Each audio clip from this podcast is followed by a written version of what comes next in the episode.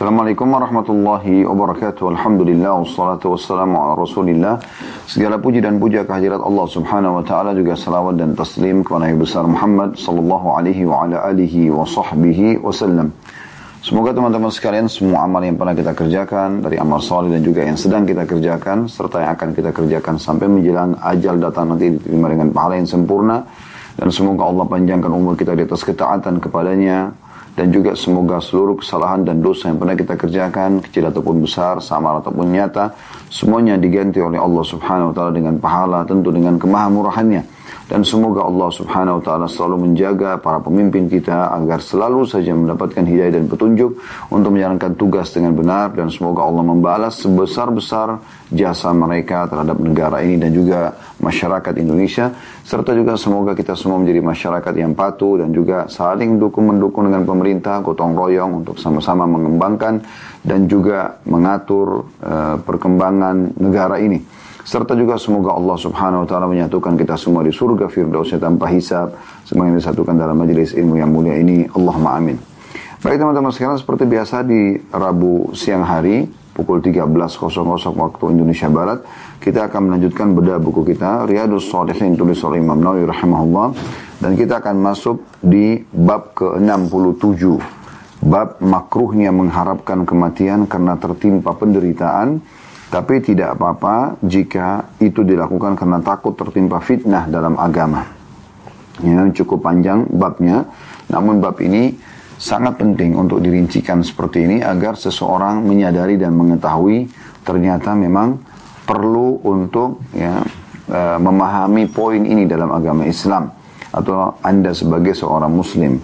Jadi bab makruhnya artinya tidak di perintahkan dalam agama dan lebih baik ditinggalkan mengharapkan kematian karena tertimpa penderitaan karena sakit keras karena musibah-musibah yang dia lalui dalam hidupnya karena toh semua juga manusia akan dicoba oleh Allah Subhanahu wa taala. Terkadang kita melihat sebuah perkara itu besar tapi ternyata setelah kita laluin dan berlalu waktu kita sudah dikeluarkan oleh Allah Subhanahu wa taala dari masalah tersebut, kita menganggapnya kecil. Karena ternyata datang masalah-masalah yang lebih besar setelahnya. Seperti itulah kurang lebih gambaran dalam Islam ya. Bagaimana seseorang itu harusnya bisa menerima penderitaan ataupun cobaan yang sedang datang dengan bersabar. Karena pahala sabar hanya didapatkan dengan cobaan tersebut.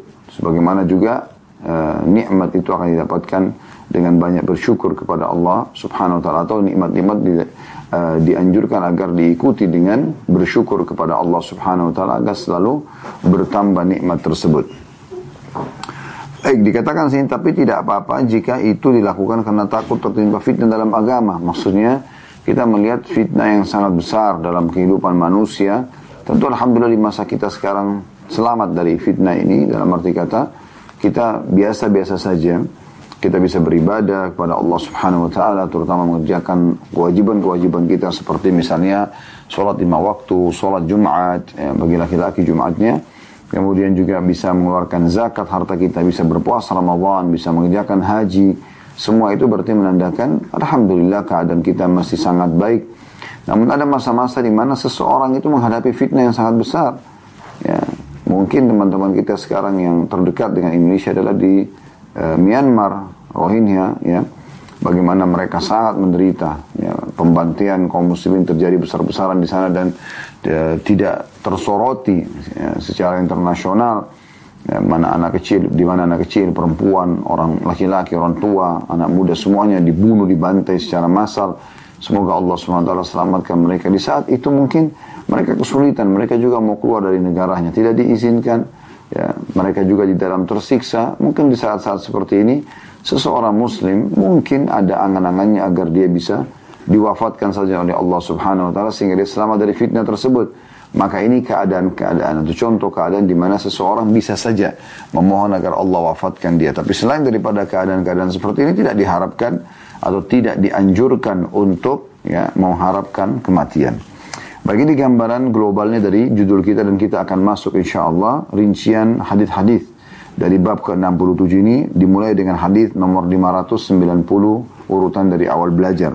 Saya langsung bacakan saja dari Abu Hurairah radhiyallahu anhu bahwa Rasulullah sallallahu alaihi wasallam bersabda, "La yatamanna ahadukumul maut imma muhsinan fala'allahu yazdad wa imma musian fala'allahu yasta'tib. Hadis ini diriwayatkan oleh Bukhari Muslim. Terjemahannya, janganlah salah seorang antara kalian mengharapkan kematian. Jika dia seorang baik, barangkali kebaikannya bisa bertambah. Dan apabila dia seorang yang banyak keburukannya, maka moga-moga dia bisa mencari ridha Allah dengan bertaubat. Riwayat ini, teman-teman sekalian, ada footnote nomor 481 di belakang atau di bawah, tertulis yang dimaksud adalah meninggalkan dari kesalahannya dan memohon keridhaan Allah sebagaimana dalam kitab An-Nihayah. Kemudian selanjutnya dikatakan dalam riwayat Imam Muslim dari Abu Hurairah radhiyallahu anhu masih nomor urutan hadis yang sama 590 ya. Dari urutan ini ada dua buah riwayat. Dalam riwayat Muslim dan dari Abu Hurairah radhiyallahu anhu dari Rasulullah sallallahu alaihi wasallam beliau bersabda, "La yatamanna ahadukumul maut wa la yad'u bihi min qabli an ya'tiyah. Innahu idza mata qata'a 'amaluhu wa innahu la yazidul mu'minu umruhu. Janganlah seseorang antara kalian mengharapkan kematian dan janganlah berdoa memintanya sebelum ia mendatanginya. Karena apabila dia mati, maka terputuslah amalnya. Dan sungguhnya umur seorang mukmin itu tidak menambah apa pun untuknya melainkan kebaikan. Melainkan kebaikan. Baik, hadis ini teman-teman sekalian memberikan gambaran kepada kita tentang bagaimana seorang mukmin selalu optimis untuk melalui kehidupan ini sampai ajalnya datang. Bila dia diberikan taufik oleh Allah Subhanahu wa taala untuk beramal saleh, melakukan ketaatan-ketaatan kepada Allah dari sholat, dari puasa, dari zakat, dari haji dan semua amal-amal sunnah juga yang mendampingi ibadah-ibadah wajib seperti sholat, sholat sunnah, berzikir, baca Quran, berdoa, majlis ilmu, kemudian juga uh, puasa sunnah, kemudian juga sedekah, pendamping dari zakat, kemudian umroh, pendamping daripada haji, maka sebuah nikmat yang luar biasa. Maka dia berharap Allah subhanahu wa ta'ala panjangkan umurnya di atas ketaatan tersebut. Karena dalam sebuah riwayat yang lain kata baginda Nabi SAW sebaik-baik kalian adalah yang dipanjangkan umurnya dan baik amalnya. Ya, jadi memang tidak berharap kematian karena dia berharap dipanjangkan umur di atas ketaatan tapi ya. Dan kalau seandainya seseorang itu punya maksiat, berdosa kepada Allah Subhanahu wa taala, maka panjangnya umurnya menjadi peluang untuk dia membersihkan dosanya karena urusan akhirat sudah sulit sekali untuk dia kembali bertobat kepada Allah Subhanahu wa taala di saat memang ajalnya sudah datang ya. Jadi poin ini penting sekali untuk digarisbawahi agar jangan sampai seseorang membaca secara otodidak dan dia tidak memahami makna-makna hadis ini ya. Baik, kita akan coba masuk lebih dalam kepada mutiara hadis. Yang pertama yang bisa diambil adalah larangan dari Nabi SAW dan ini sifatnya makruh berharap kematian. Kenapa dikatakan makruh? Makruh dalam ilmu fikih definisinya adalah kalau mengerjakannya tidak berdosa, namun kalau meninggalkan mendapatkan pahala. Tidak dikatakan haram karena ada beberapa keadaan yang sudah kami jelaskan dari pembukaan. Masih boleh seseorang berharap kematian di saat memang dia khawatir tertimpa fitnah dalam agamanya. Ya. Dia bisa terkena fitnah sehingga dia bisa murtad. Ya. Misalnya, karena ditekan oleh pemerintah setempat harus murtad misalnya. Maka dia tidak mau meninggal dalam keadaan kafir. dia berharap Allah subhanahu wa ta'ala datangkan ajalnya. Itu pengecualian. Ya, jadi di sini makanya hukumnya makruh. Kalau dia mutlak dilarang oleh Nabi SAW tanpa ada pengecualian maka hukumnya jadi haram. Di sini adanya makruhnya, ada hukum makruh untuk mengharap kematian. Dan Nabi SAW sudah sebut, sebutkan sebutkan sebabnya, yaitu kalau dia orang mukmin dan dia berbuat kebaikan masih ada kesempatan dia menambah kebaikan tersebut sehingga derajatnya di surga nanti sangat tinggi, ya. Atau dia orang bermaksiat yang kemungkinan dia juga masih punya kesempatan untuk bertaubat kepada Allah Subhanahu wa taala ya. Jadi ini pelajaran yang pertama tentang adanya hukum makruh seseorang mengharapkan kematian karena masih banyak hal-hal baik yang dia bisa kerjakan. Terlebih lagi teman-teman sekalian, cobaan-cobaan yang datang dalam kehidupan kita ini semua orang laluin. Semua orang sakit, semua orang diganggu orang. Siapa di antara kita teman-teman yang belum pernah digibah oleh orang? Yang belum pernah difitnah oleh orang? Yang belum pernah dipukul oleh orang?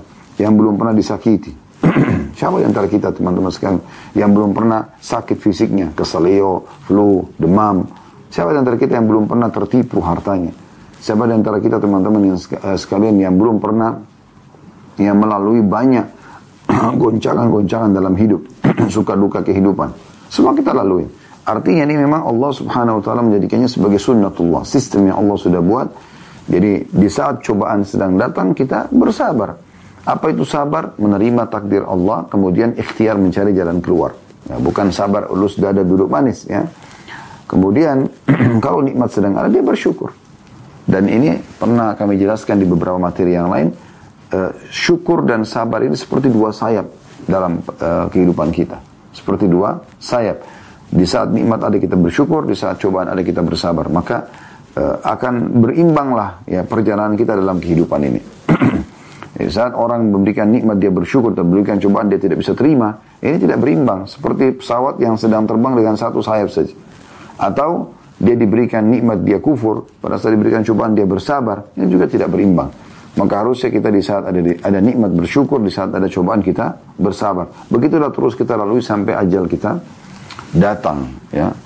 Jadi ini adanya larangan mengharapkan kematian walaupun kematian pasti akan datang. Ini juga sejalan dengan hadis Nabi SAW jadi bab-bab jihad tentang peperangan. Bukan berarti jihad langsung saja kita berharap mati. Kata Nabi SAW kepada para sahabat, jangan kalian berharap bertemu dengan musuh. Ya. Berharaplah musuh belum bertemu dengan kalian sudah takut, sudah pergi. Ya sudah cukup. Padahal sebenarnya kalau berharap dengan musuh kan kita bisa mati. Mati syahid misalnya. Ya. Tapi Nabi SAW bilang, jangan kalian berharap mati. Tapi kalau kalian jangan kalian berharap berharap bertemu musuh karena takut eh, karena nanti khawatir meninggal gitu kan? Supaya bisa lanjutkan kehidupan. Mohon maaf. Dan ya, kalau kalian sudah menghadapi musuh maka kokohkanlah kaki kalian. Tidak boleh kita lari dari medan perang. Begitu prinsip dasar seorang muslim. Jadi jelas sekali. Ya. Oleh karena itu, Nabi SAW pernah sebutkan sabda-sabda seperti ini termasuk di perang Khaybar. Pada saat para sahabat tiba di benteng-benteng Yahudi Khaybar, mereka keluar dari Madinah berharap bisa mati syahid. Mereka berharap bisa memerangi kaum Yahudi di sana yang memang uh, mereka telah membuat makar mengumpulkan suku-suku Arab dan siapa pun yang belum masuk Islam di Jazirah Arab. Kemudian terbentuklah pasukan Ahzab yang Allah sebutkan dalam surah nomor 33 dalam Al-Quran surah Al-Ahzab dan kita tahu di Idul Adha, ya, di Idul Fitri kita biasa membaca wahazamal ahzab wahda dan Allah mengalahkan pasukan ahzab sendirian, pasukan kelompok-kelompok yang berkumpul. Itu kan otaknya adalah dua suku Yahudi di Khaybar, yaitu suku Kainuqa dan Nadir, yang memang berusaha untuk menyerang kaum muslimin dan mengajak komponen-komponen suku Arab yang belum masuk Islam untuk bersatu. Maka Nabi SAW ke sana untuk menghukum mereka.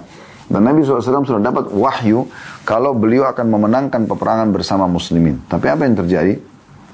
Waktu para sahabat tiba di Khaybar dan mereka teriak-teriak sambil mengatakan Allahu Akbar, Allahu Akbar. Inilah yang telah Allah dan Rasul janjikan. Maka Nabi SAW mengatakan apa? Jangan kalian berharap bertemu musuh. Berharaplah musuh itu takut dan pergi. Tapi kalau kalian bertemu, kokohkan telapak kaki kalian. Dan juga kecilkan suara kalian. Karena yang sedang, yang sedang kalian panggil Allah itu tidak tuli. Tidak usah teriak-teriak. Dan para sahabat suka di medan perang itu tidak tidak mengeras-ngeraskan suara mereka kecuali di saat mereka pecikan takbir untuk membakar semangat saja. Selebihnya mereka diam melaksanakan tugas tersebut. Ini yang pertama. Yang kedua, adanya anjuran memaksimalkan waktu agar mengisi dengan amal-amal saleh. Dan ini penting. Makanya dikatakan di potongan hadis ini, imma muhsinan fala'allahu yazzad. Mungkin saja dia pelaku kebaikan dan dia bisa menambah kebaikannya. Berarti kan dari hadis ini, potongan hadis ini kita ambil pelajaran pentingnya seorang muslim selalu menambah kesempatan, uh, meraih kesempatan untuk menambah amal solehnya. Dan, jadi di mana ada kesempatan beramal soleh lakukan, walaupun kecil. Ini masuk dalam sabda Nabi SAW, La tahkiranna minal ma'rufi syai'a. Jangan pernah kalian pelit-pelit dengan satu amal soleh. Kerjakan saja apa pun yang di depan mata kita walaupun mudah. Walaupun hanya senyum dengan muslim.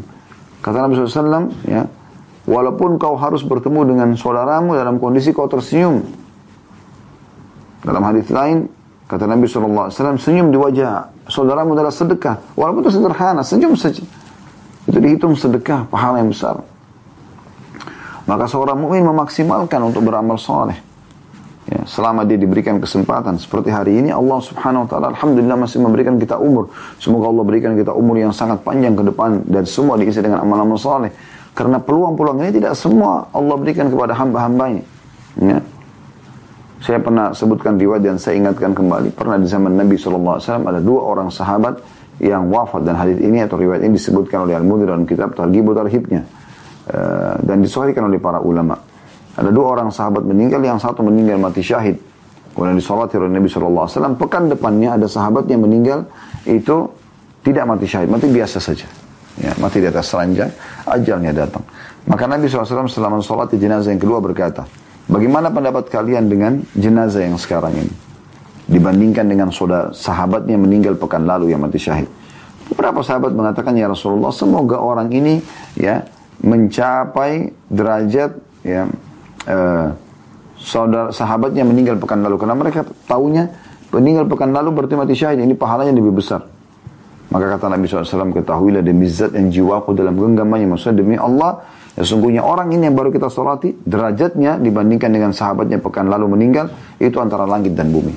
Karena dia sempat mendapatkan Jumat pada pekan itu sebelum meninggal sempat sholat lima waktu selama sepekan sempat berzikir sempat berdoa dan banyak amal-amal soleh yang bisa dikerjakan. Jadi sebenarnya waktu yang Allah subhanahu wa ta'ala berikan kepada kita tambahan bukan untuk disia-siakan teman-teman. Bukan yang dihabiskan untuk selalu ke mall saja kumpul-kumpul yang tidak ada gunanya menghabiskan waktu. Enggak. Kesempatan beramal soleh Bayangkan saudaraku seiman, kalau di saat ini, Anda semua ikuti acara ini baik live ataupun siaran ulang, kalau dengar perkataan kami ini, maka coba bayangkan di saat ini Allah datangkan malaikatmu dan akan mencabut ruh Anda. Kemudian malaikat mengatakan Allah masih memberikan kesempatan untukmu setengah jam lagi. Saya tunggu di sini saya akan cabut ruhmu. Kira-kira teman-teman, di setengah jam yang kita tahu kita akan dicabut ruh ya. Sebentar lagi di setengah jam ini atau setelah setengah jam ini apa yang akan kita lakukan? Apakah Anda di saat itu sudah tahu ajal Anda akan datang, Anda akan kembali mencari restoran favorit Anda? Mencari, menghabiskan waktu di toko-toko untuk mencari pakaian bermerek Anda, sepatu bermerek Anda, untuk duduk kumpul-kumpul sama teman-teman. Bahkan ya, biologis sama pasangan pun mungkin kita tidak akan lakukan. Ya. Kita akan coba memaksimalkan pada satu bertobat kepada Allah SWT, mengerjakan amal yang paling kira-kira apa yang besar pahalanya di sisi Allah yang muncul di benak kita. Setengah jam lagi kita akan meninggal. Sebenarnya tanpa harus tunggu malaikat maut datang dan mengatakan ini kita bisa setiap saat. Malaikat maut setiap saat bisa melihat kita dan tinggal menunggu perintah siapa yang ditunjuk oleh Allah untuk diwafatkan terlebih dahulu karena ajalnya sudah datang. Harus hati-hati. Hati-hati sekali. Hanya kita yang bisa menyelamatkan diri kita sendiri atau bahkan kita mencelakakannya. Dan ingat teman-teman sekalian, kalau Anda tidak coba hijrah, berusaha berubah, maka Allah pun tidak akan mengubah nasib Anda. Tidak akan membuat Anda lebih dekat kepadanya, selamat dari neraka, masuk ke dalam surga. Sebagaimana Allah sebutkan dalam firman-Nya, Inna Allah la yughayyiru ma biqawmin hatta yughayyiru ma bi anfusin.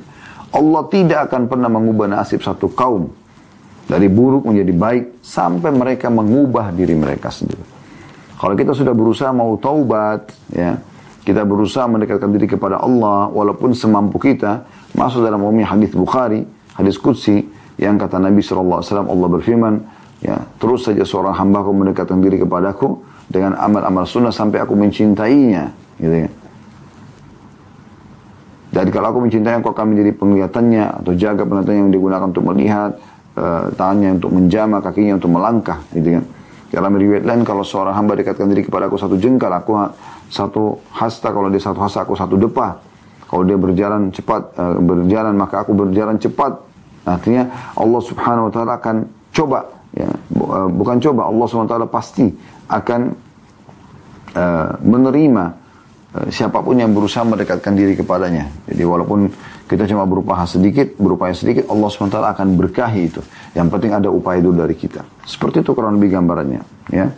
Jadi kalau Allah berikan umur, perbanyak amal soleh teman-teman. Jangan sia-siakan. Semua peluang apa pun, ingat, selalu jadikan prinsip. Dari amal soleh ke amal soleh yang lain. Amal soleh, amal soleh yang lain. Terus, tidak pernah berhenti.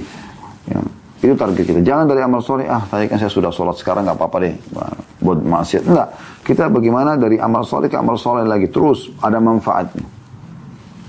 Kemudian pelajaran yang ketiga adalah anjuran agar bertaubat dari dosa-dosa. Selama Allah masih kasih kesempatan. Diambil dari potongan sabda Nabi SAW, wa imma musian fala'allahu yasta'atim. Siapa tahu dia pelaku dosa, maka bisa saja dia bertaubat. Dan juga diambil dari sabda Nabi sallallahu alaihi wasallam, "Innahu idza mata qata 'amaluh." Sesungguhnya kalau seseorang itu wafat maka tidak akan e, bertambah amalnya atau terputuslah amalnya. Oleh karena itu dia kesempatan bertaubat. Taubat ini artinya kita mohon kepada Allah Subhanahu wa taala agar dimaafkan kesalahan kita, kemudian Allah bersihkan semua dosa sehingga nggak ada lagi hisab kita hari kiamat. Kalau tidak ada dosa Anda, artinya Anda akan selamat masuk ke dalam surga. Karena dosa yang membuat orang masuk ke dalam api neraka. Hmm? Dan juga fasilitas di dunia itu hilang teman-teman sekalian justru dengan dosa-dosa. Banyak riwayat yang menyebutkan masalah itu dari Nabi SAW. Berapa banyak nikmat Allah terhalangi dari seorang hamba karena dosa-dosa yang dia lakukan. Ini harus lebih hati-hati. Oleh karena itu di kesempatan Allah berikan umur kayak sekarang kita masih punya umur pada hari ini. Semoga Allah juga panjangkan umur kita ke depannya dengan amal soleh. Kita bertobat dari dosa-dosa kita. Kata Nabi SAW, aku bertobat dan beristighfar kepada Allah sehari 70 dan berbuat lain sampai 100 kali. Dengan tulus, jangan cuma istighfar melalui lisan saja. Renungi dalam hati. Ya, kita bisa ya, fikirkan dan meresapi bagaimana besarnya kesalahan kita dan bisa hukuman Allah setiap saat datang kepada kita maka kita bertaubat kepada Allah Subhanahu wa taala. Kita masuk ke hadis yang 500 hadis yang kedua dalam bab ini hadis nomor 591. Dari Anas radhiyallahu anhu beliau berkata Rasulullah sallallahu alaihi wasallam bersabda la yatamanna la yatamannayanna ahadukumul mauta li dhurrin asabah fa in kana la buddan fa'ilan la budda fa'ilan saya ulangi fa in kana la budda fa'ilan falyakul Allahumma ahyini ma kanat al hayatu khairan li wa tawaffani idza kanat al wafatu khairan li Janganlah salah seorang dari kalian janganlah salah seorang di antara kalian menginginkan kematian karena penderitaan yang menimpahnya. Itu ada putusan nomor 482 di bawah. Maksudnya penderitaan dalam hal keduniaan. Ya. Jika memang harus mengharapkan kematian, maka hendaklah dia mengucapkan, Ya Allah, hidupkanlah aku jika hidup itu lebih baik bagiku atau untukku dan matikan aku jika kematian itu lebih baik untukku. Hadis ini diriwayatkan oleh Bukhari dan Muslim. Dari hadis ini teman-teman sekalian kita ambil pelajaran penting ya. Mana globalnya dulu? Adanya larangan dari Nabi alaihi salatu walaupun hukumnya makruh ya karena masih ada pengecualian sebagaimana kami jelaskan tadi di pembukaan. Adanya larangan dari Nabi SAW yang sifatnya makruh untuk berharap mati. Kalau ada musibah-musibah urusan dunia, gangguan orang, ya, eh, apa namanya, penyakit, tidak usah berharap mati.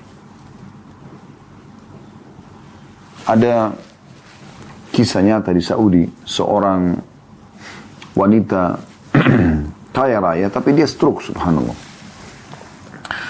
Tidak sengaja pembantunya, kebetulan dari Afrika, eh, belanja di satu toko kios di sebelah rumah dia. Eh, beberapa keperluan, kemudian di situ ada buku-buku terjemahan dalam berbagai macam bahasa diletakkan oleh Kementerian Pendidikan dan Agama Saudi. Nah, itu biasa kalau teman-teman yang biasa ke Saudi tahu di musim haji pun banyak dibagi-bagi ya. Termasuk dalam bahasa kita bahasa Indonesia ini ide yang sangat brilian gitu. Semoga Allah swt balas pemberi idenya ini dan Allah ikut sertakan kita bersama mereka di pahala tentunya. Nah, ini dia yang luar biasa gitu. Maka pembantunya ini mengambil kebetulan dalam bahasa dia. Ada ditemukan di situ dalam bahasa salah satu negara di Afrika tidak disebutkan dalam kisah ini negara mana. Dia pulang kemudian dia baca Nah, di depan majikannya yang sedang stroke. Majikannya ini kebetulan orang kaya raya. Maka majikannya tanya, buku apa yang kau baca? Dia jelaskan, saya baca kebetulan dapat buku terjemahan dalam bahasa saya. Uh, ini tentang masalah amal-amal saleh gitu kan. Amal-amal saleh. Uh, dan motivasi dan menggambaran tentang Islam dan seterusnya. Terus kata majikannya, apa ada nomor telepon ya orang yang uh, yayasan yang menerbitkan ini. Dilihat di lembaran-lembaran awal ternyata ada gitu. Dia mengatakan, baik coba teleponkan buat saya. Dan tanyakan, ya buku ini dibagikan ke mana saja. Dan berapa biaya cetaknya. Maka pembantunya pun telepon, kemudian ditanya, disebutkanlah biaya cetaknya, disebutkanlah di beberapa negara yang uh, mereka bagi di Afrika. Maka ibu ini pun menyumbang. Ya, ibu ini pun menyumbang, walaupun dia stroke di atas ranjang, bayangkan ya. Dalam kondisi betul-betul dia, kalau kita mungkin sudah belum atau kurang keimanannya, mungkin malah berkeluh kesah, malah banyak menangis karena nggak bisa beraktivitas. Tapi di sini dia malah semangat, tidak mau terkalahkan dengan orang-orang yang sehat gitu. Maka pada saat itu pun dia menyumbang sekian banyak. Berapa tahun kemudian yayasan tersebut menelpon ke ibu yang stroke ini lalu kemudian menyampaikan berita gembira kalau beberapa suku di Afrika masuk Islam dari buku yang ibu ini sumbangkan. Coba bayangkan. Ya, di atas ranjang pun lagi stroke tetap produktif dan begitulah Islam mengajarkan kita. Tidak ada sesuatu yang menghalangi itu. Saya pernah subhanallah uh, di Mekah pada saat itu saya sempat beberapa bulan uh, umrah dan cukup lama saya tinggal. Kalau salah itu sempat dua bulanan di Saudi. Saya bolak-balik antara Madinah, Mekah sama Jeddah. Beberapa tahun lalu tentunya. Ya, setelah kami tamat dari Madinah. Kemudian uh, saya menemukan ada buku ditulis oleh Syekh Muhammad Jamil Zainu. Saya tidak tahu beliau masih hidup atau tidak, subhanallah. Di masa itu beliau masih hidup. Kita anggap saja bersangka baik mungkin masih hidup, kita mengatakan hafidahullah. Dan bukunya banyak diterjemahkan dalam bahasa Indonesia. Kalau Anda temukan buku terjemahan ke bahasa Indonesia dan ada tulisannya Syekh Muhammad Jamil Zainu, maka itulah beliau. Buku ini saya belum pernah temukan buku seperti ini teman-teman sekalian. Ditulis di situ setiap muslim ya, di lembaran awalnya punya hak untuk memperbanyak buku ini dan menyebarluaskannya. Bagi Anda yang berminat bantuan penulis, Anda bisa hubungi nomor telepon ditulis nomor teleponnya. Coba bayangkan. Biasanya kan kita hak cipta segala macam. Ini enggak. Subhanallah. Dia malah seperti itu. Yang terjadi teman-teman sekalian, Eh, saya pun menelpon nomor telepon itu dan ada seorang teman saya di Mekah pada saat itu saya kenal orang Saudi. Saya bilang saya mau datangi Syekh ini. Saya datang ke sana kemudian ketemu sama beliau. Pada saat ketemu beliau sempat ya salaman sama saya dan menyambut dengan sangat hangat. Waktu itu jenggot sudah putih semua. Ya. Setelah itu kami pelukan kemudian dia panggil duduk. Lalu dia sempat pegang jenggot saya mengatakan Khalid jenggot kamu masih pendek gitu. Subhanallah, saya bilang Syekh di Indonesia ini sudah cukup panjang gitu. Dululah kami ngobrol dengan hangatnya sambutan beliau dan beliau menjelaskan uh, buku-bukunya ada tiga waktu itu ya sekitar 37 atau 37 38 antara 37 sampai 38 judul waktu itu saya tidak tahu sekarang mungkin sudah lebih tentunya.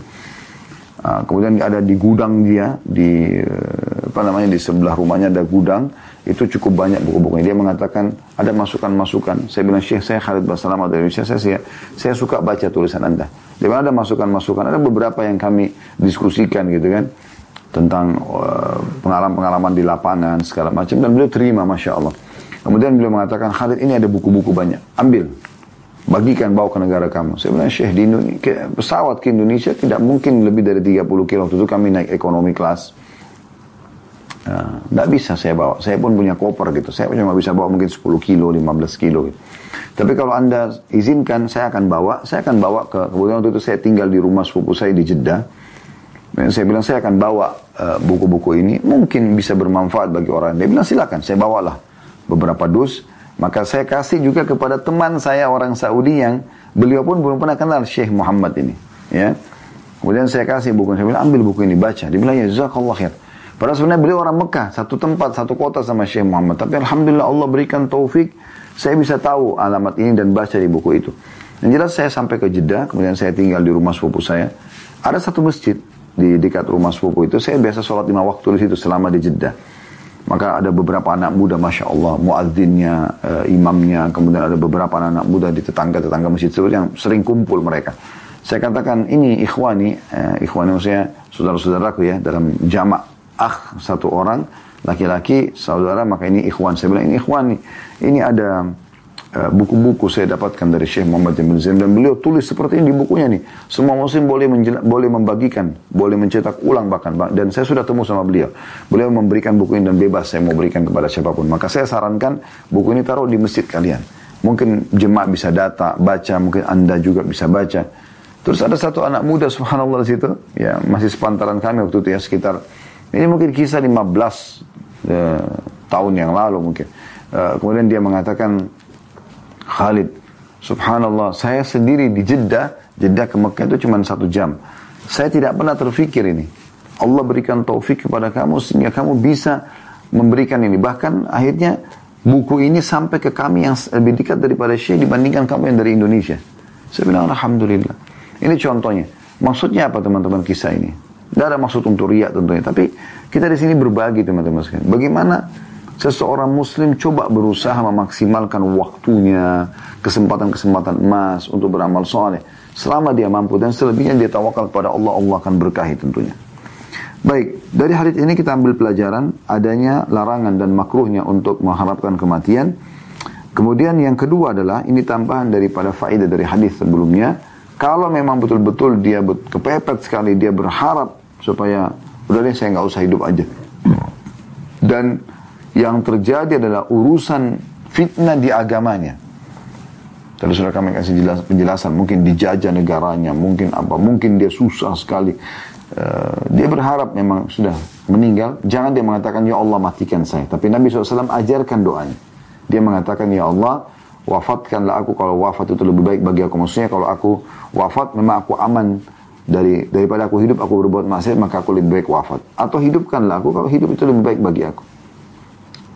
Maksudnya jangan sampai aku meninggal sementara nanti aku menyesal sementara uh, masih ada sementara masih ada kesempatan untuk beramal saleh. Nah ini faedah kedua dari hadis di antara yang dijelaskan oleh Nabi SAW yaitu Allah ma'ahini ma kanat al-hayata khairun ma kanat al-hayatu khairun khairan li ya Allah hidupkan aku kalau kehidupan lebih baik bagi aku wa tawaffani idza kanat al-wafatu khairun li dan wafatkan aku kalau kematian lebih baik bagi aku. Hadis nomor 592 dalam bab ini berbunyi dari Qais bin Hazim radhiyallahu anhu beliau berkata Dakhalna ala Khabbab bin Arat radhiyallahu anhu na'uduhu wa sab'a kayyat. Faqal inna ashabana alladhina salafu madaw wa lam tanqushum ad-dunya wa inna asabna ma la najidu lahu ولولا أن النبي صلى الله عليه وسلم نهانا أن ندعو بالموت لدعوت به. ثم أتيناه مرة أخرى وهو بي وهو يبني حائطا له. فقال إن المسلم لا يؤجر في كل شيء ينفق إلا في شيء يجعله في هذا التراب. Terjemahannya dalam hadis ini tentu hadis diriwayatkan oleh Imam Bukhari. Kata Qais ibn Hazim rahimahullah ini seorang tabi'in sebenarnya. Beliau mengatakan kami masuk ke rumah Khabbab bin Arad radhiyallahu anhu seorang sahabat Nabi untuk menjenguk atau untuk menjenguknya pada saat dia lagi sakit ya. Khabbab bin Arad lagi sakit. Dan dia berobat dengan kai dalam kurung menempel bagian yang sakit dengan besi panas sebanyak tujuh kali. Serai dia berkata, Sesungguhnya sahabat-sahabat kami yang telah mati, mereka telah meninggalkan dunia. Mereka tidak dikurangi sedikit pun dari dunia mereka. Tahu mereka akan mendapatkan semua yang terbaik dari urusan dunia mereka. Ya. Kami telah mendapatkan apa yang kami tidak miliki tempat menyimpannya selain tanah. Ada footnote di situ nomor 483 Harta itu disimpan dalam tanah karena takut dicuri. Dan dalam riwayat Tirmidzi, laqad araituni ma'a Rasulillah sallallahu alaihi wasallam la amliku dirhaman wa anna fi janibi baitil ana arba'ina alfa dirham. Saya per pernah hidup bersama Rasulullah sallallahu alaihi wasallam dan tidak memiliki apa-apa meskipun hanya satu dirham.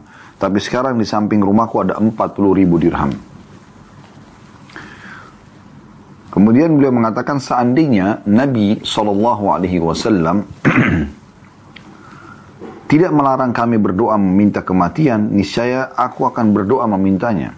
Kemudian kami mendatanginya, kata Qais bin Hazim rahimahullah. Kemudian kami mendatanginya pada waktu yang lain. Ketika itu dia sedang membangun pagar tembok. Maka dia berkata, sungguhnya muslim itu diberi pahala dalam setiap apa yang dia infakkan, kecuali sesuatu yang dia infakkan di tanah ini. Hadis ini diriwayatkan oleh Bukhari. Baik teman-teman sekalian kita coba masuk untuk memahami lebih dalam masalah hadis ini. Baik kita mulai teman-teman sekalian dengan penjelasan umumnya. Qais bin Hazim rahimahullah seorang tabi'in menggambarkan tentang bagaimana dia bertemu dengan sahabat Nabi Khabbab bin Arad radhiyallahu anhum. Dan Khabbab, Khabbab bin Arad ini kalau teman-teman uh, belum tahu tentunya ya, ini sahabat termasuk as-sabiqun al-awwalun. Sahabat yang pertama-tama masuk Islam di fase Mekah. Dan beliau yang mendatangi Nabi SAW di awal-awal Islam setelah beliau disiksa oleh orang-orang Quraisy tepatnya uh, oleh majikannya karena dia dulu seorang budak di Mekah uh, di mana bajunya dibuka kemudian dia ditidurkan diseret di atas padang pasir yang padang pasir itu sudah diletakkan batu-batu yang panas dan tajam. Sehingga terdapat ada lubang yang besar dari tulang leher beliau sampai ke uh, ekornya. Atau tulang ekornya. Ya. Dan beliaulah yang uh, pernah berkata pada saat itu, pada saat lagi berdarah-darahnya dan lagi kesakitan beliau datang kepada Nabi SAW di mana Nabi SAW sedang berada depan Ka'bah dan menggunakan burdahnya atau kain yang menutupi tubuh dan juga bagian ke belakang kepala beliau sallallahu alaihi wasallam di depan Ka'bah lagi berdoa kepada Allah. Maka dia mengatakan ya Rasulullah kata Habab bin Arab radhiyallahu ya Rasulullah kenapa Anda tidak mohon kepada Allah agar kita diberikan kemenangan saja. Waktu itu Nabi SAW bisa berdoa, tapi Nabi SAW mengatakan oleh Khabab, sesungguhnya umat-umat sebelum kalian ya, dicoba di agamanya. Sampai seseorang antara kalian didatang seseorang di antara mereka didatangkan ditanam tubuhnya ya ke dalam tanah sampai tinggal lehernya kemudian kepalanya digergaji dibagi dibelah dua. Tapi tidak mening, dia tidak membuat dia meninggalkan agamanya. Sesungguhnya kalau kau masih hidup hai khabab engkau akan melihat nanti Islam akan menyebar di mana-mana. Au kama Nabi sallallahu alaihi wasallam. Jadi khabab bin ini dari termasuk sabiqun al-awwalun orang yang pertama-tama masuk Islam. Dari masih fase Mekah yang sulit sekali orang untuk masuk Islam kena ayat ayat ayat ayat ayat Al-Qur'an baru sedikit yang turun ya. Agama belum sempurna seperti kita sekarang. Sekarang Masya Allah sudah luar biasa agama Islam. Al-Quran sudah sempurna Al-Quran sudah diterjemahkan dalam banyak bahasa banyak ulama dan dai yang menyampaikan dan menjelaskan makna-makna Al-Quran tujuan-tujuannya hukum-hukumnya dan seterusnya Betul juga apa yang disampaikan oleh baginda Nabi Wasallam. Maka ini sebuah karunia yang luar biasa. Tapi di zaman Khabbab ini tidak seperti itu. Makanya Umar bin Khattab juga radhiyallahu di zaman khilafahnya beliau beliau sempat menangis terisak-isak dengan orang-orang di sekitarnya pada saat bertemu dengan Khabbab. Maka kata Umar di depan orang-orang, "Wahai Khabbab, kira-kira apa siksaan yang paling berat yang pernah kau alami dari Quraisy?" Maka Khabbab pun membuka bajunya lalu memperlihatkan ada lubang yang sangat dalam dari uh, tulang leher belakangnya, tengkuknya sampai ke tulang ekornya. Sampai uh, luka bakar yang yang sudah bertahun-tahun. Setelah Nabi SAW meninggal pun masih berbekas gitu. Maka kata Umar, apa yang mereka kerjakan padamu? Maka dia boleh ceritakan. Mereka memanaskan batu-batu yang tajam dan mereka tanamkan, letakkan di tanah padang pasir lalu aku diseret oleh mereka gitu kan sehingga membuat sobek dan rusak seperti ini. Maka Umar bin Khattab pun menangis pada saat itu dengan para sahabat bagaimana menderitanya orang-orang beriman di awal-awal Islam itu. Yang jelas teman-teman sekalian, Habab bin Arad ini kita bukan sedang bicara tentang pribadi beliau, tapi ini sedikit gambaran saja. Pada saat beliau sedang uh, sakit, sempat dijenguk oleh seorang tabi'in yang bernama Qais bin Hazim rahimahullah. Dan Qais mulai menceritakanlah, kami pernah mendatangi Khabab bin Arad dan kami menjenguknya di saat dia sedang sakit sementara dia sudah dikai ya, tujuh kali. Kai ini adalah pengobatan teman-teman sekalian menggunakan besi panas yang ditempelkan di tempat yang sakit. Ini memang salah satu metode pengobatan yang dianjurkan Nabi SAW. Beliau mengatakan, ya sungguhnya sembuhan ada di tiga ya, di madu kemudian uh, bekam dan juga kei. Tapi aku tidak menganjurkan umatku umatku aku tidak menganjurkan umatku untuk berkei. Maksudnya jangan dahulukan kei. Kei terakhir sekali. Nah biasanya dibutuhkan untuk orang-orang yang stroke misalnya. Nah itu biasanya begitu. Atau di zaman dulu karena belum ada operasi orang untuk memberhentikan darah yang sedang mengalir ya, ngucur dari tubuh itu dengan cara kei disentuhkan dengan besi yang panas. Atau ada orang yang baru saja amputasi di kei biasanya itu kan? Itu untuk uh, membuat bagian jaringan yang menumpahkan darah. Itu kena besi panas maka dia kayak terbakar akhirnya tertutup. Nah, seperti itu orang lebih. Tentu alhamdulillah di masa kita sekarang sudah ada operasi dan sudah lebih steril kan gitu. Tapi ini ada metode pengobatan ini. Nah, dia sudah kai sampai tujuh kali pada saat itu. Kemudian diceritakanlah oleh Habab bin Arad kepada Qais bin Hazim bahwasanya kami sahabat-sahabat kami maksudnya sahabat-sahabat Rasulullah telah mendahului kami ya, setelah wafat. Dan mereka sama sekali tidak kekurangan dari urusan dunia. Sama sekali. Karena iman mereka karena amal soleh mereka karena beriman kepada risalah Nabi Muhammad SAW setelah mereka beriman mereka tidak kekurangan sedikit pun dari urusan dunia. Dan kami tidak menemukan ya, mereka telah meninggal sahabat-sahabat kami dan mereka tidak kekurangan sebut dari urusan dunia. Sedangkan kami, kami telah mendapatkan apa yang kami tidak memiliki tempat menyimpan selain tanah ini. Maksudnya adalah kami sudah dapat harta, ada harta-harta kami. Tapi kami tidak punya ya kesempatan-kesempatan peluang-peluang untuk bersedekah sebagaimana kami mereka temukan dulu para sahabat-sahabat kami. Kami hanya bisa menemukan uh, mengumpulkan harta kami di tanah yang tertimbun. Ya. Karena zaman dulu mereka tidak punya bank, tidak punya apa. Jadi harta-harta itu dikumpul, digali tanah, dikumpul di tanah itu. Jadi saya kenakan beliau ini menggambarkan sekarang harta melimpah, gitu kan. Tetapi kami tidak tahu harus keluarkan ke mana. Jadi kami tidak temukan harta kami kecuali tempatnya di tanah ini. Sementara sahabat-sahabat kami dulu, sahabat-sahabat Rasulullah SAW yang sudah meninggal, mereka punya peluang untuk bersedekah, menginfakkan kepada Nabi SAW yang Nabi gunakan untuk berperang, untuk bagi kepada fakir miskin. Ya, walaupun di zaman saya itu ada peluang, tapi tentu tidak sebesar peluang di masa Nabi SAW, karena tentu pahalanya akan lebih besar. Lalu kemudian beliau mengatakan, kalau bukan karena Rasulullah SAW melarang kami untuk berdoa, kematian aku akan berdoa, supaya aku mati saja daripada aku sibuk dengan ngumpulin harta tapi harta juga toh, toh ditimbun juga di tanah gitu ya. Kemudian setelah itu berpisahlah mereka. Qais bin Hazim rahimahullah berkata satu waktu kami datang lagi menjenguk Khabab bin Arad tidak disebutkan kapan. Kemudian dia kebetulan lagi membuat sebuah tembok ya di rumahnya. Maka kemudian beliau pun bersa, ber, berkata kepada tamu-tamunya termasuk Qais sesungguhnya muslim itu akan dibalas ya pahala yang besar dengan semua yang dia infakkan, apa pun yang dia infakkan. Kecuali sesuatu yang dia tanamkan dalam tanah ini, maksudnya dia timbun. Maka tidak ada pahalanya timbun harta itu.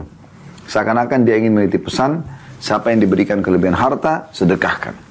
Sebelum nanti tidak ada manfaatnya. Kalau cuma ditaruh di berangkas, kalau kita sekarang ditaruh di perbankan, di zaman mereka ditanam di bawah tanah. Maka tidak ada gunanya, kecuali akan jadi warisan saja. Nah ini makna globalnya hadis. Kita ambil pelajaran dan ini penutupan juga dalam pertemuan kita. Dan Alhamdulillah dengan tiga buah hadis ini kita menyelesaikan semua hadis yang ada dalam bab ke-67 ini. Yang pertama adalah adanya anjuran untuk mendatangi orang-orang saleh, para ulama, ya, bertemu dengan mereka walaupun tidak harus mengunjungi rumahnya, mungkin bertemu, berteman sama mereka, memenuhi kebutuhan mereka, belajar dari mereka, bertanya dari mereka. Ya, ini hal yang mendasar sekali. Itu yang sering dicontohkan oleh para salafus saleh. Kalau para sahabat Nabi Ridwanullah alaihim mereka mendatangi Nabi Shallallahu Alaihi Wasallam.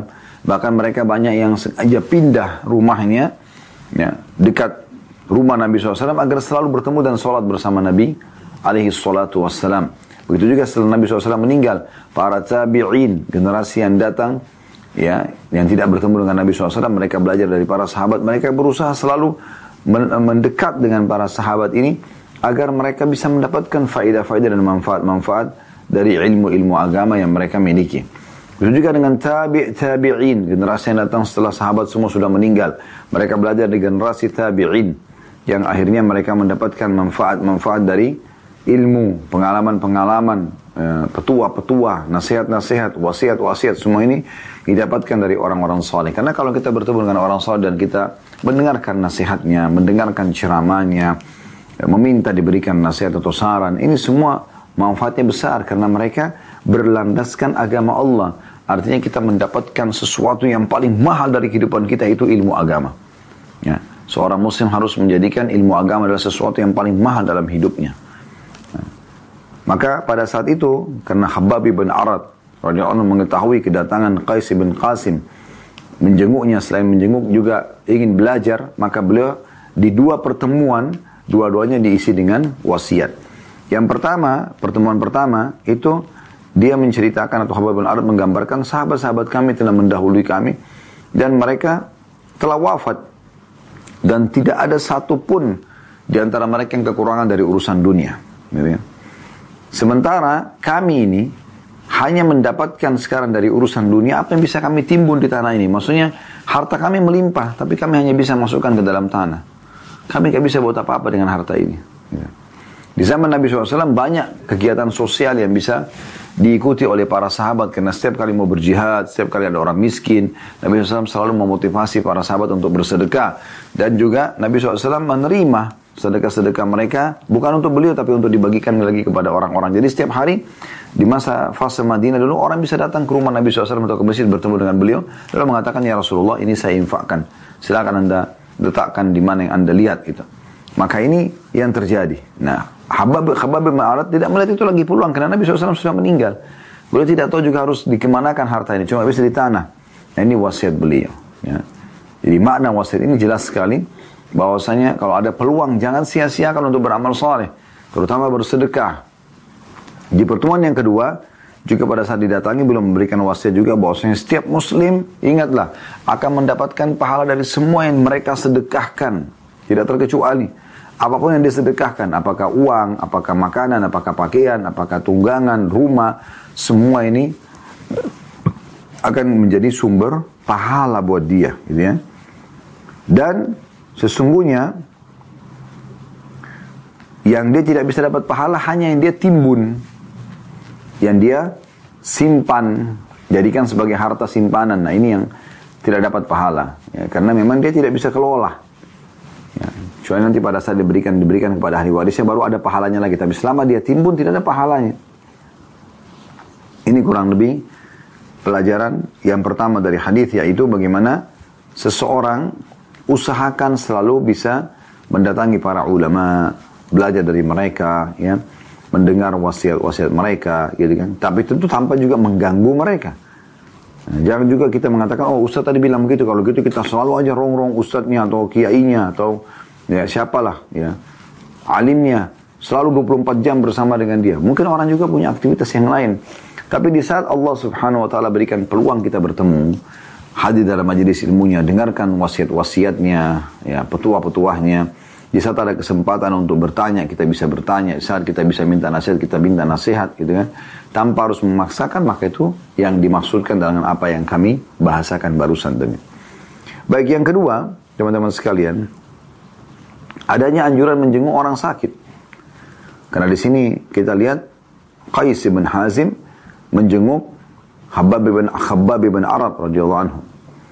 Dan banyak sekali keutamaan Anda kalau ketik di Google keutamaan menjenguk orang sakit akan banyak sekali artikel keluar. Gitu kan? Ini anjuran agar kita yang sehat ini menyadari oh betapa besarnya nikmat pada saat sehat itu.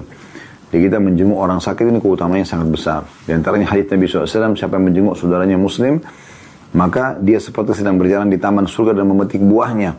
Dan kalau dia jenguk di pagi hari, maka ada 70 ribu malaikat yang mendoakan dia sampai sore hari. Walaupun Anda jenguk cuma 5 menit, doa malaikat dari pagi, kalau di pagi hari Anda jenguk ya, dari pagi itu Anda cuma 5-10 menit masuk ke ruangan dia, misalnya rumah rumah sakit atau di kamar dia, atau di rumah dia, kemudian Anda mendoakan, sabarkan, lalu Anda pergi, 5 menit saja. Malaikat tetap doakan, 70 ribu malaikat mendoakan dari pagi sampai sore. Kalau anda jenguk di sore hari, kata Nabi SAW, maka ada 70 ribu malaikat lagi mendoakan sampai pagi hari.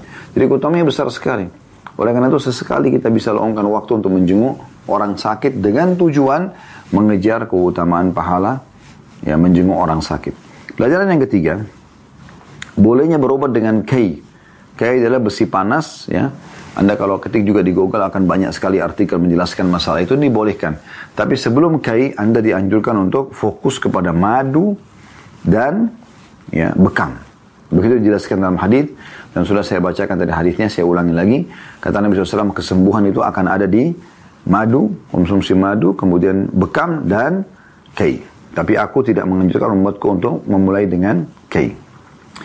Kemudian yang keempat yang bisa diambil dari uh, hadis ini adalah bagaimana seseorang coba ya, melihat ke orang-orang yang telah mendahului dia, bukan orang yang akan datang.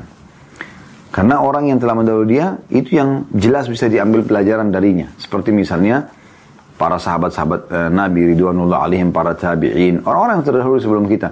Kita ambil pelajaran dari mereka. Yang sudah meninggal dalam keadaan iman dan amal soleh, kita tinggal ikuti jejaknya. Kita pelajari kisah-kisah mereka. Kami sudah adakan tablik akbar sebelum pandemi kemarin, itu 40 sekian serial sahabat. Dan cukup banyak Anda temukan di ceramah-ceramah kami kisah tentang para tabi'in, ya, orang-orang soleh. Semua itu tujuannya agar kita belajar dari orang-orang yang telah mendahului kita. Bukan kita belajar dari orang yang akan datang karena kita belum pernah ketemu mereka dan kita tidak tahu apakah mereka akan meninggal dalam keadaan iman atau tidak. Ini pelajaran yang keempat yang bisa diambil, belajar dari kejadian orang-orang sebelum kita. Orang-orang beriman akan selamat, sebagaimana para nabi dan para sahabatnya, dan orang-orang kafir dan orang-orang yang murka kepada Allah, dimurkai Allah juga akan ya celaka.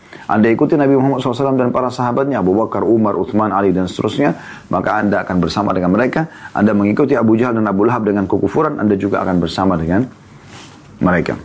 Pelajaran yang kelima dari hadis ini, adanya penekanan agar selalu bersedekah.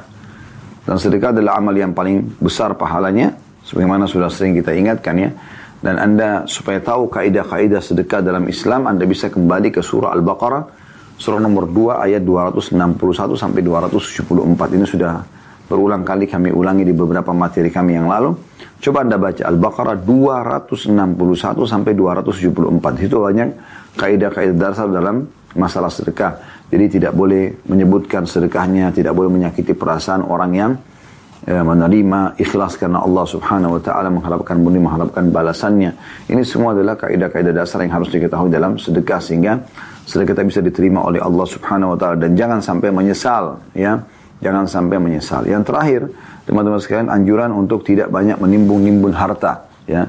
Jangan sampai menimbun-nimbun harta akhirnya kita ya tidak bisa mengambil faedah dari harta tersebut sesuai juga dengan hadis Nabi sallallahu alaihi wasallam kepada para sahabat siapakah di antara kalian yang ingin mengelola yang dia lebih suka mengelola hartanya sendiri atau dikelola oleh ahli warisnya kata para sahabat ya Rasulullah tidak ada seorang pun di antara kami kecuali berharap dan suka dia yang kelola hartanya. Kata Nabi SAW, yang kalian infakkan semasa hidup kalian itulah yang kalian kelola sendiri. Dan yang kalian timbun dan tabung itulah yang akan dikelola oleh ahli warisnya. Ahli waris belum tentu mengerjakan amal saleh buat kita. Ya, Allah